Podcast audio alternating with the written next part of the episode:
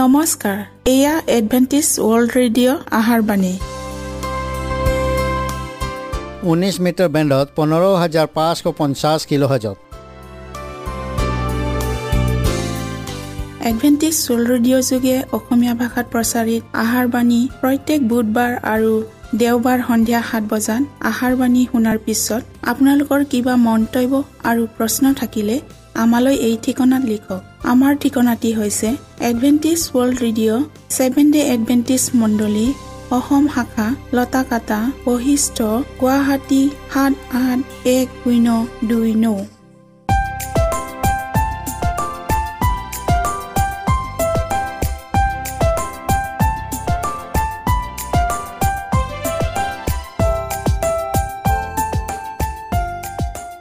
প্ৰিয় শ্ৰোতা বন্ধুসকল এতিয়া শুনো আহক এটি খ্ৰীষ্টীয় ধৰ্মীয় গীত।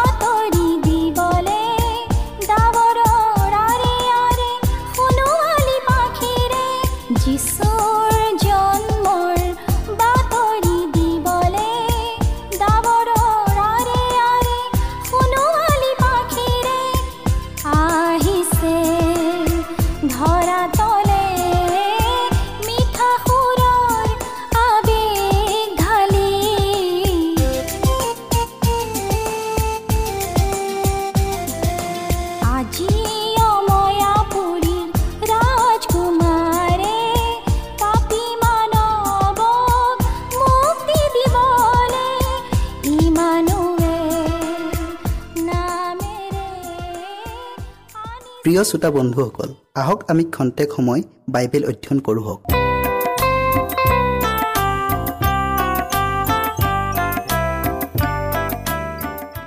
আমাৰ আজিৰ বিষয়টি হ'ল অনুগ্ৰহৰ শেষৰ পাছত কোনো শ্বহীদ নহ'ব। শাস্ত্ৰ পদ লোৱা হৈছে গীতমালা একানব্বৈৰ পোন্ধৰ পদ। তেওঁ মোৰ আগত প্ৰাৰ্থনা কৰিব তাতে মই তেওঁক উত্তৰ দিম। সংকটৰ কালত মই তেওঁৰ সংগী হ'ম। মই তেওঁক ৰক্ষা কৰিম। মই তেওঁক মৰ্যাদাবান কৰিম। আমি প্ৰাৰ্থনা কৰোঁ হওক। সেই সৰ্বশক্তিমান প্ৰভু পুনৰাই আজি তোমাৰ বাক্য শুনিবলৈ এই যে সুযোগ দিলা তাৰ বাবে তোমাক আকৌ ধন্যবাদ দিছোঁ। প্ৰভু আজি আমি যি বিষয়টিলৈ আগবঢ়াইছোঁ সেই বিষয়টিলৈ জানিবলৈ তুমি আমাক জ্ঞান আৰু বুদ্ধি দান কৰা। পবিত্ৰ আত্মাৰ যোগেদি প্ৰত্যেক শ্ৰোতাৰ হৃদয় স্পৰ্শ কৰি দিয়া যীশুৰ নামত খুজিলোঁ। আমেন। ঈশ্বৰৰ লোকসকল দুখ বেদনা নোপোৱাকৈ নাথাকিব। কিন্তু তাৰণা আৰু নৈৰাক্ষতাৰ সময়তো আৰু নিৰাশ্ৰয় আৰু ভোক আৰু পিয়াসত আঁতোৰ হৈ থকা সময়তো ঈশ্বৰে তেওঁবিলাকক ত্যাগ নকৰিব। তেওঁবিলাকক বিনষ্ট হ'বলৈ এৰি নিদিব। কিন্তু মানুহৰ দৃষ্টিত ঈশ্বৰৰ লোকবিলাকে সেই শ্বহীদসকলৰ দৰে নিজৰ ৰক্তৰে তেওঁবিলাকৰ সাক্ষ্য যে প্ৰদান কৰিব পাৰিব তেনে নালাগিব। তেওঁবিলাকে নিজেই ভয় খাব। কিজানি ঈশ্বৰে তেওঁবিলাকক শত্ৰুৰ হাতত সোধাই দিয়ে। এয়া এক ভয়ানক দুখ বেদনাৰ সময়। ইয়াৰ পৰা উদ্ধাৰ পাবলৈ তেওঁবিলাকে দিনে ৰাতিয়ে ঈশ্বৰৰ গুৰিত ক্ৰদন কৰে। যেতিয়া জগতৰ শক্তিসমূহে ঈশ্বৰৰ লোকবিলাকৰ অহিতে উঠি থিয় দিব তেতিয়া সৰ্বযুগৰ ঘটনাবোৰলৈ দৃষ্টি ৰখা ঈশ্বৰৰ চকুৱে সেই সংকটবোৰৰ ওপৰতো স্থিৰ দৃষ্টি ৰাখিছে যিবোৰ তেওঁৰ লোকবিলাকৰ ওপৰত পৰিবলগীয়া আছে। বন্দীশালত থকা লোকবিলাকৰ দৰে ভোক পিয়াসত আঁতোৰ হৈ নাইবা নৃশংস আৰু বৰ্বৰতা অত্যাচাৰৰ কোপত মৃত্যুৰ ভয় পোৱাৰ দৰে তেওঁবিলাকেও তেনে ভয়কে অনুভৱ কৰিব। কিন্তু সেই পবিত্ৰজনা যিজনাই ইজৰাইলৰ সন্মুখত চুপ সাগৰ দুফাল কৰি তাৰ মাজত তেওঁবিলাকৰ বাবে ৰাস্তা উলিয়াইছিল। তেওঁৱে পুনৰ নিজ মহাশক্তিক প্ৰদৰ্শন কৰিব আৰু নিজৰ লোকবিলাকৰ বন্দিত্বক স্বাধীনতালৈ পৰিৱৰ্তন কৰিব। বাহিনীবিলাকৰ জিহুৱাই কৈছে তেওঁবিলাক মোৰ হ'ব। মই কাৰ্য কৰিবৰ দিনা তেওঁবিলাক মোৰ বিশেষ সম্পত্তি হ'ব। কোনো মানুহে নিজৰ পৰিচৰ্যা কৰা নিজ পুতেকক মৰম কৰা দি মই তেওঁলোকক মৰম কৰিম। এই সময়ত যদি খ্ৰীষ্টৰ বিশ্বাসী সাক্ষীসকলৰ ৰক্তপাত কৰা হয় তেন্তে এই ৰক্ত সেই শ্বহীদসকলৰ ৰক্তৰ দৰে একে নহ'ব। যি ৰক্তই সুবাৰ্তাৰ কঠীয়া সিঁচি ঈশ্বৰলৈ শস্য চপাইছিল তেওঁবিলাকৰ বিশ্বস্ততাই আন কোনো ব্যক্তিকে সত্যতাৰ প্ৰতি পতিয়ন নিয়াবলৈ সাক্ষী হ'ব নোৱাৰিব। কাৰণ সিহঁতৰ কঠোৰ হৃদয়বোৰে দয়া আৰু কৃপাক এনেদৰে লটিয়াই দূৰলৈ পঠিয়ালে। যিকোনো দিন আৰু উভতি আহিব নোৱাৰে। যদি এই সময়ত ধাৰ্মিকসকল তেওঁবিলাকৰ শত্ৰুৰ হাতত পৰিলেহেঁতেন তেন্তে সেয়ে অন্ধকাৰৰ অধিপতিজনৰ বাবে মহাজয় কাৰণ হ'লেহেঁতেন। কিয়নো আপদৰ কালত তেওঁ মোক নিজ আৱাসত গুপুতে ৰাখিব নিজ তম্বুৰ গুপুত ঠাইত মোক লুকুৱাই ৰাখিব। তেওঁ শিলৰ ওপৰত মোক তুলি থব।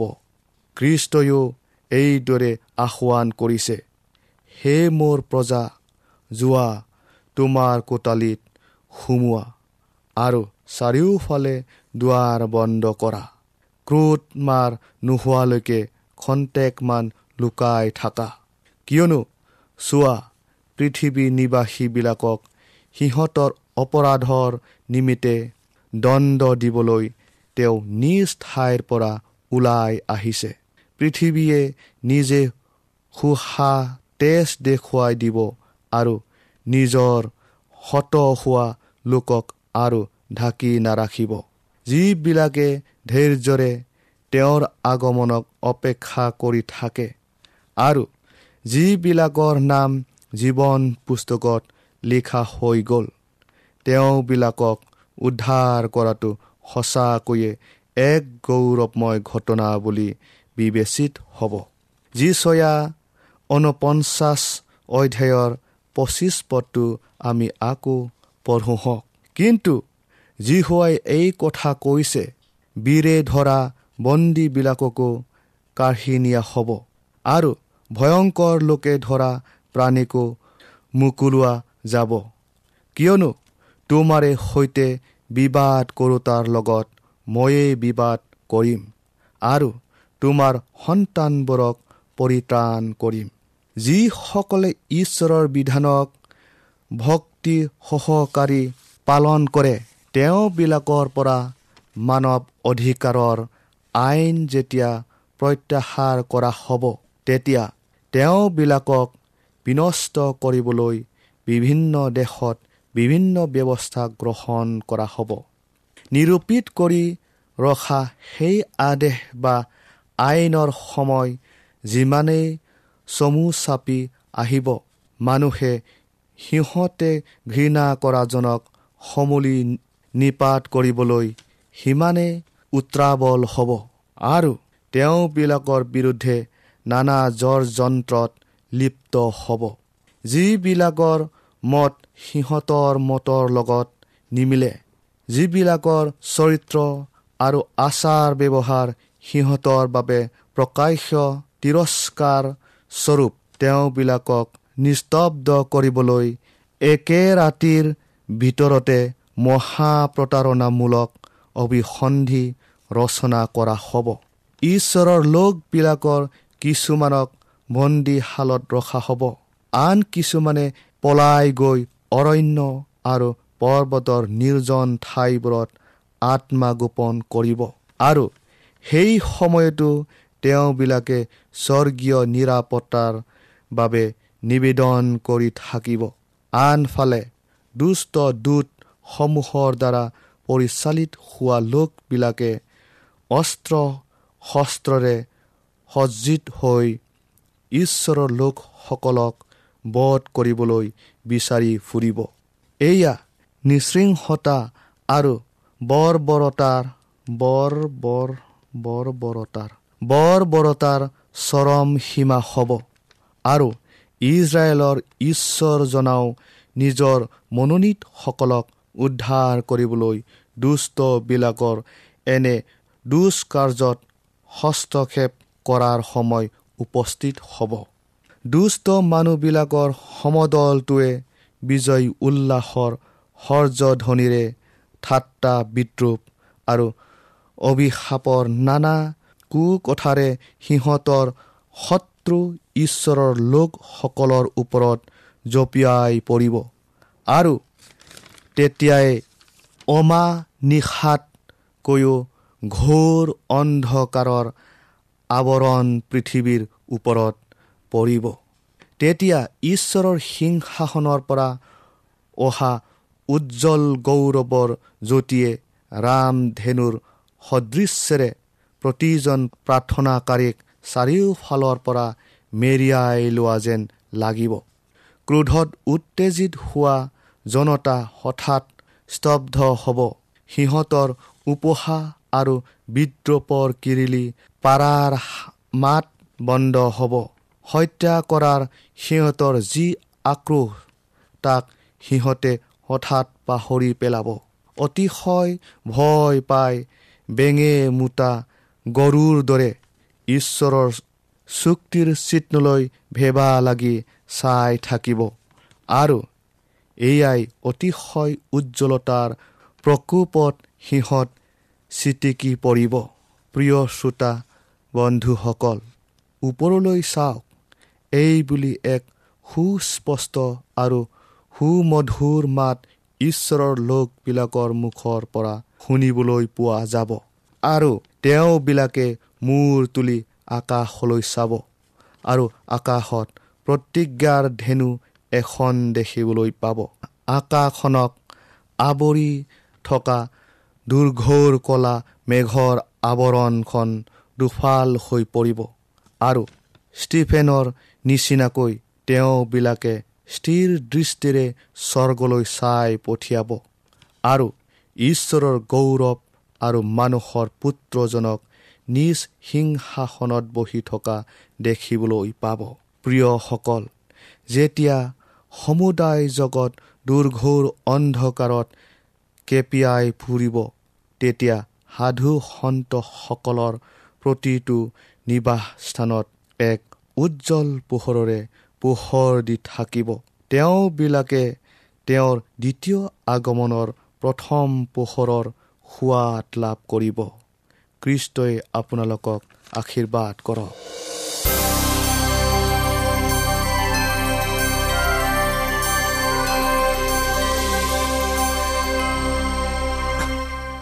আজি আমি অন্যায়কাৰীসকলৰ বিশেষ পুনৰুত্থানৰ বিষয়ে অধ্যয়ন কৰোঁ হওক। শাস্ত্ৰ পদ লোৱা হৈছে প্ৰকাশিত বাক্য এক অধ্যায়ৰ সাত পদ। চোৱা তেওঁ মেঘেৰে আহিছে। আটাই চকুৱে আৰু যিবিলাকে তেওঁক বিন্দিলে তেওঁবিলাকেও তেওঁক দেখিব। আৰু পৃথিৱীৰ সকলো সৈতে তেওঁৰ কাৰণে হিয়া ভুকুৱাব। হয় আমেন। বিষয়টিৰ আগবঢ়োৱাৰ আগতে আমি প্ৰাৰ্থনা কৰোঁ হওক। সেই সৰ্বশক্তিমান প্ৰভু ধন্যবাদ প্ৰভু তোমাৰ এই আশীৰ্বাদৰ বাবে। প্ৰভু আমি আজি বিশেষ অন্যায়কাৰীসকলৰ বিশেষ পুনৰুত্থানৰ বিষয়ে অধ্যয়ন কৰিবলৈ আগবঢ়াইছোঁ। প্ৰভু তুমি আমাৰ লগত থাকা। প্ৰত্যেক শ্ৰোতাৰ হৃদয় পবিত্ৰ আত্মাৰ যোগেদি স্পৰ্শ কৰি দিয়া। যীশুৰ নামত খুজিলোঁ আমিন। যিবিলাকে তেওঁক বিন্দিলে তেওঁবিলাকেও আৰু যিসকলে কৃষ্টৰ মৃত্যু যন্ত্ৰণা দেখি তেওঁক ঠাট্টা বিদ্ৰূপ আৰু অপমান কৰিছিল আৰু তেওঁৰ সত্যতাৰ আৰু তেওঁৰ লোকসকলৰ ঘোৰ বিৰোধী আছিল। তেওঁবিলাক সকলোৱেও তেওঁক আৰু তেওঁৰ গৌৰৱ চাবলৈ আৰু তেওঁৰ প্ৰতি ৰাজভক্তি আৰু বাধ্যতা প্ৰদৰ্শন কৰাসকল সন্মান জনোৱা দৃশ্য চাবলৈ পুনৰুত্থিত হ'ব। তেওঁৰ ক্লেশৰ সময়ত কায়াফা অৰ্থাৎ মহাপুৰোহিতজনে স্বৰ্গৰ ফালে হাত দাঙি যীচুক উদ্দেশ্য কৰি এক পবিত্ৰ শপত দি এইদৰে কৈছিল তোমাক জীৱনময় ঈশ্বৰৰ শপত দিছোঁ। তুমি ঈশ্বৰৰ পুত্ৰ কৃষ্ট হোৱা নে নোহোৱা আমাক কোৱা। উত্তৰ শুনিবলৈ প্ৰতিজনৰ কাণ থিয় হৈছিল আৰু প্ৰতিজনৰ চকু তেওঁৰ ওপৰত স্থিৰ হৈ ৰৈ আছিল। তেওঁ এইদৰে উত্তৰ দিছিল তুমি স্বৰূপ কলা। যেতিয়া তেওঁ এইদৰে কৈছিল তথাপি মই তোমালোকক কওঁ এতিয়াৰ পৰা তোমালোকে মানুহৰ পুত্ৰক পৰাক্ৰমৰ সোঁহাতে বহি থকা আৰু আকাশৰ মেঘত অহা দেখিবা। তেতিয়া তেওঁৰ হেতা আৰু হেতা পৰি যোৱা মুখমণ্ডল স্বৰ্গীয় পোহৰৰ দ্বাৰা উজ্জ্বল হৈ পৰিছিল। খন্তেক সময়ৰ বাবে মানৱৰূপী তেওঁৰ শৰীৰৰ মাজেৰে কৃষ্টৰ ঐশ্বৰিকতা উদ্ভাসিত হৈ পৰিছিল। ত্ৰাণকৰ্তাজনাৰ অন্তভেদী চাৱনিৰ সন্মুখত মহাপুৰোহিতজন ভয়ত কোচ খাই গৈছিল। খন্তেকৰ বাবে তেওঁ অনুভৱ কৰিছিল তেওঁ যেন অনন্ত বিচাৰত থিয় হৈছে যাৰ চকুৱে তেওঁৰ অন্তৰ পঢ়িব পাৰে। আৰু সেই গোপনীয় বিষয়বোৰক পোহৰলৈ আনিব পাৰে যিবোৰ বিষয়ক মৃত্যুৰ লগতে পোত খাই যাব বুলি ভবা হৈছিল। এই দৃশ্য পুৰোহিতজনৰ পৰা বাগৰি গৈছিল এনে অনুভৱো আঁতৰি গৈছিল। তেওঁ নিজৰ গাৰ বস্ত্ৰ ফালি এইদৰে কৈছিল ই ঈশ্বৰ নিন্দা কৰিলে সাক্ষীত আমাৰ আৰু কি প্ৰয়োজন আছে? তেওঁ কৈছিল চোৱা এতিয়া তোমালোকে ঈশ্বৰ নিন্দা শুনিলা তোমালোকৰ মনে কি ধৰে? আৰু সকলোৱে তেওঁক দোষী সাব্যস্ত কৰিছিল। এনেকৈয়ে যীহুদীৰ চলাওঁতাসকলে নিজৰ নিজৰ পথ বাছি লৈছিল। তেওঁবিলাকৰ সিদ্ধান্তক সেই হিচাপ ৰখা পুস্তক লিপিবদ্ধ কৰি ৰখা হৈছিল। যাক জোহনে সিংহাসনত বহি থকা জনাৰ হাতত থকা দেখিছিল। যি পুস্তকখনক কোনো মানুহে মেলিব নোৱাৰে। যীহুদা ফৈদৰ সিংহ পুৰুজনাৰ দ্বাৰা যেতিয়া পুস্তকখন মেলা হ'ব তেতিয়া এই সিদ্ধান্তৰ সকলো প্ৰমাণ তেওঁবিলাকৰ সন্মুখত ওলাই পৰিব। যেতিয়া কৃষ্টৰ দ্বিতীয় আগমন হ'ব। তেতিয়া এজন বন্দীৰ দৰে তেওঁৰ চাৰিওফালে বিদ্ৰোহীবোৰক ঘেৰি থকা দেখা নাযাব। তেওঁক স্বৰ্গৰ ৰজাৰ ৰূপতহে দেখিবলৈ পাব। তেতিয়া সেই বিচাৰৰ কক্ষত পুৰোহিত আৰু শাসনকৰ্তাসকলে সকলো দৃশ্য স্পষ্টকৈ মনত পৰিব। প্ৰতিটো অৱস্থা পৰিস্থিতি তেওঁবিলাকৰ সন্মুখত দেখা দিব যেন সেইবোৰ অগ্নিৰ আখৰেৰেহে লিখা হৈছিল। দ্বিতীয় পিতৰ তিনি অধ্যায়ৰ দহ পদটো আমি আকৌ পঢ়ো হওক। চোৰৰ নিচিনাকৈ প্ৰভুৰ দিন আহিব। সেইদিনা আকাশমণ্ডলে হু হু শব্দ কৰি গুচি যাব আৰু মূল বস্তুবোৰ দগ্ধ হৈ লয় প্ৰাপ্ত হ'ব। আৰু পৃথিৱী আৰু তাৰ সকলো বস্তু পূৰা যাব। প্ৰভুৰ দিনৰ দিনা খ্ৰীষ্টৰ আগমৰ ঠিক আগে আগে ঈশ্বৰে স্বৰ্গৰ পৰা পঠোৱা তেওঁৰ ক্ৰোধৰ লগতে পোহৰো পঠিয়াব। যি পৃথিৱীত আহি অগ্নিৰ লগত লগ ল'বহি। এটা চৌকাৰ দৰে পৰ্বতবোৰ পূৰা যাব আৰু তাৰ পৰা অতি ভয়ানক গলিত লাভা নামি আহিব।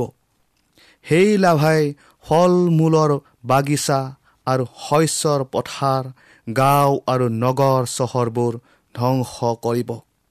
প্ৰচণ্ড উত্তাপত লোহাৰ আকৰ গলাৰ দৰে শিলবোৰ গলি যাব আৰু গলিত শিল আৰু উত্তপ্ত বোকা নদীবোৰত বৈ গৈ পৰোঁতে তাৰ পানীবোৰ পাত্ৰৰ গৰম কৰা পানীৰ দৰে উতলিবলৈ ধৰিব। আৰু প্ৰকাণ্ড প্ৰকাণ্ড শিলবোৰ ওপৰৰ পৰা বাগৰি সমতল ভূমিত ভয়ানক শব্দ কৰি চূৰ্ণ বিচূৰ্ণ হৈ চাৰিওফালে সিঁচৰিত হৈ পৰিব। সমুদায় নদ নদী শুকাই যাব। পৃথিৱীখন বৰকৈ জোকাৰ খাব। আৰু পৃথিৱীৰ উপৰি ভাগত ভয়ানক ভয়ানক দ কাৱৈৰ সৃষ্টি হ'ব আৰু য'তে ত'তে ভূমিকম্প হ'ব। পৃথিৱীত নিৰ্বাহ কৰা দুষ্ট লোকবিলাকক সম্পূৰ্ণভাৱে বিনষ্ট নকৰা পৰ্যন্ত ঈশ্বৰে উৎপাত পঠিয়াই থাকিব। এজন মদাহীয়ে তলং পলং হৈ কোচ কঢ়াৰ দৰে পৃথিৱীখন এবাৰ আগফালে এবাৰ পাছফালে কৰি তলং পলং কৰিব আৰু এটি সৰু পজা ঘৰৰ দৰে জোকাৰ খাব। সকলোবোৰ বস্তু অগ্নিশিকাত পৰিণত হ'ব আৰু আকাশখন নুৰিওৱা পুতি এখনৰ দৰে কোচ খাব। পৃথিৱীৰ গৰ্ভত থকা বস্তুবোৰৰ বিস্ফোৰণ হোৱাৰ ফলত ভূপৃষ্ঠৰ উপৰি ভাগ ফালি চিৰা চিৰ হ'ব। এই বস্তুবোৰ ভাঙি টুকুৰা টুকুৰি হৈ লাভাৰ দৰে উঠি গৈ সেইসকলৰ ভঁৰালবোৰ নষ্ট কৰিব যিসকলে নিজৰ ক্ষমতা বিস্তাৰৰ বাবে আকালৰ সময়তো সা সম্পত্তি মজুত কৰি ৰাখিছিল আৰু খাদ্য বস্তুৰ দাম দুগুণ কৰি বিক্ৰী কৰিছিল আৰু নিজৰ কৰ্মচাৰীসকলক শোষণ কৰি সেই ভঁৰালত ধন সাজিছিল। প্ৰিয় শ্ৰোতা বন্ধুসকল সেই সৰ্বব্যাপী মহা অগ্নিকুণ্ড কিন্তু আমাৰ পৰা আৰু বেছি দূৰত নাই। যেতিয়া সেই সৰ্বনাশৰ সময় আহিব তেতিয়া জীৱনত কেৱল আৰ্জীৱৰ বাবে কেৱল নিজৰ বাবে অতিমাত্ৰা পৰিশ্ৰম কৰাৰ সকলো ফল এনিশা আৰু এদিনতে চাৰ খাৰ হৈ যাব। মানৱ জীৱন ভয়ংকৰভাৱে ধ্বংসপ্ৰাপ্ত হ'ব। কিন্তু সেই প্ৰবল জলপ্লাৱনত নোহৰ জীৱন সেই জাহাজত যেনেকৈ ৰক্ষা পৰিছিল যাক স্বয়ং ঈশ্বৰে ব্যৱস্থা কৰি দিছিল ঠিক সেইদৰে ঈশ্বৰে নিজৰ বিশ্বাসীসকলক সেই মহা ধ্বংস আৰু দুৰ্যোগৰ দিনত ৰক্ষা কৰিব। নিজেই তেওঁলোকৰ বাবে আশ্ৰয়ৰ দুৰ্গ হ'ব। গীত ৰচোতাজনৰ যোগেদি তেওঁ এইদৰে ঘোষণা কৰিছে কিয়নো তুমিয়েই প্ৰভুক সৃজন কৰিলা যি মোৰ আশ্ৰয়ৰ স্থল এনেকি অতি ওখ ঠাইত তোমাৰ বাসস্থান। তাত কোনো দুষ্টতা নাই তোমাৰ বাসস্থানত ৰাতি কোনো আপদো নাহে। কাৰণ সংকটৰ সময়ত তেওঁ মোক তেওঁৰ আশ্ৰয়ত লুকাই ৰাখিব। তেন্তে প্ৰভুক আমাৰ জামিনদাৰ আৰু আমাৰ ৰক্ষক কৰি নলমনে যিসকলে তেওঁক প্ৰেম কৰে তেওঁবিলাকৰ বাবে গৈ কৃষ্টই যি ঠাই যুগুত কৰিছে তাত স্থান পাবলৈ আমি নিজকে প্ৰস্তুত কৰা উচিত। পৃথিৱীত যিমান সংঘৰ্ষ সংঘাত ঘটিলেও তাত আমি নিৰাপদ বিশ্ৰাম পাম। এই অধ্যয়নৰ যোগেদি ঈশ্বৰে আপোনালোকক আশীৰ্বাদ কৰক।